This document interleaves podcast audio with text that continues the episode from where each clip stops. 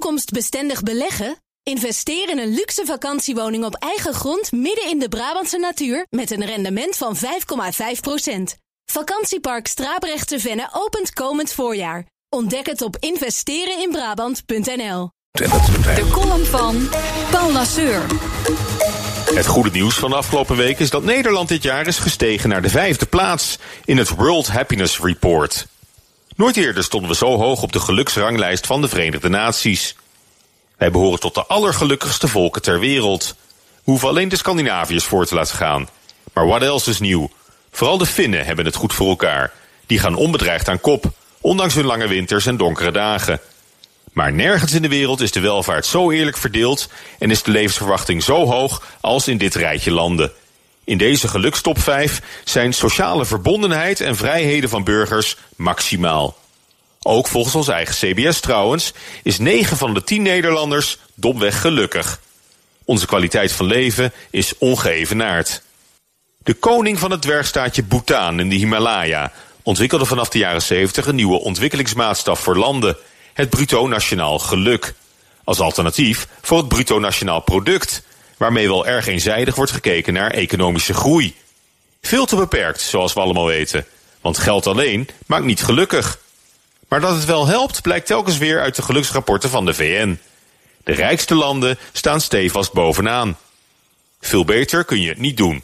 Rijk en gelukkig. Bhutan zelf, notabene de uitvinders van het bruto nationaal geluk, doen het een heel stuk slechter. De straatarme bevolking bestaat voornamelijk uit boeren en boeddhistische monniken. Simpelweg te arm om gezond en gelukkig te zijn. Helemaal onderaan de lijst van 156 landen staat Zuid-Soedan. Verscheurd door geweld en hongersnood. Kortom, we zijn een zwaar bevoorrecht volk. Volgens alle maatstaven, objectief en subjectief, worden we gerekend tot de beste landen op aarde.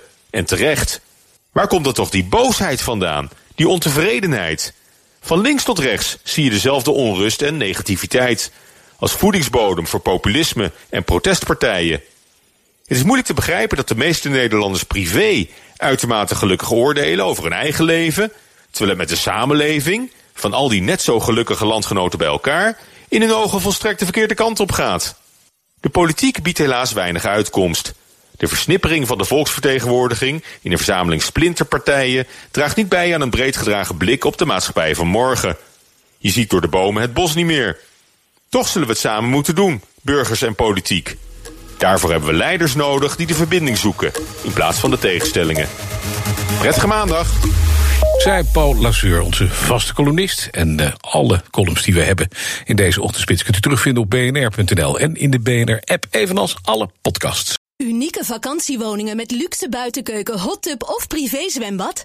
Het kan allemaal op Straaprechtse Venne. Het luxe vakantiepark midden in de Brabantse natuur. Investeren en recreëren?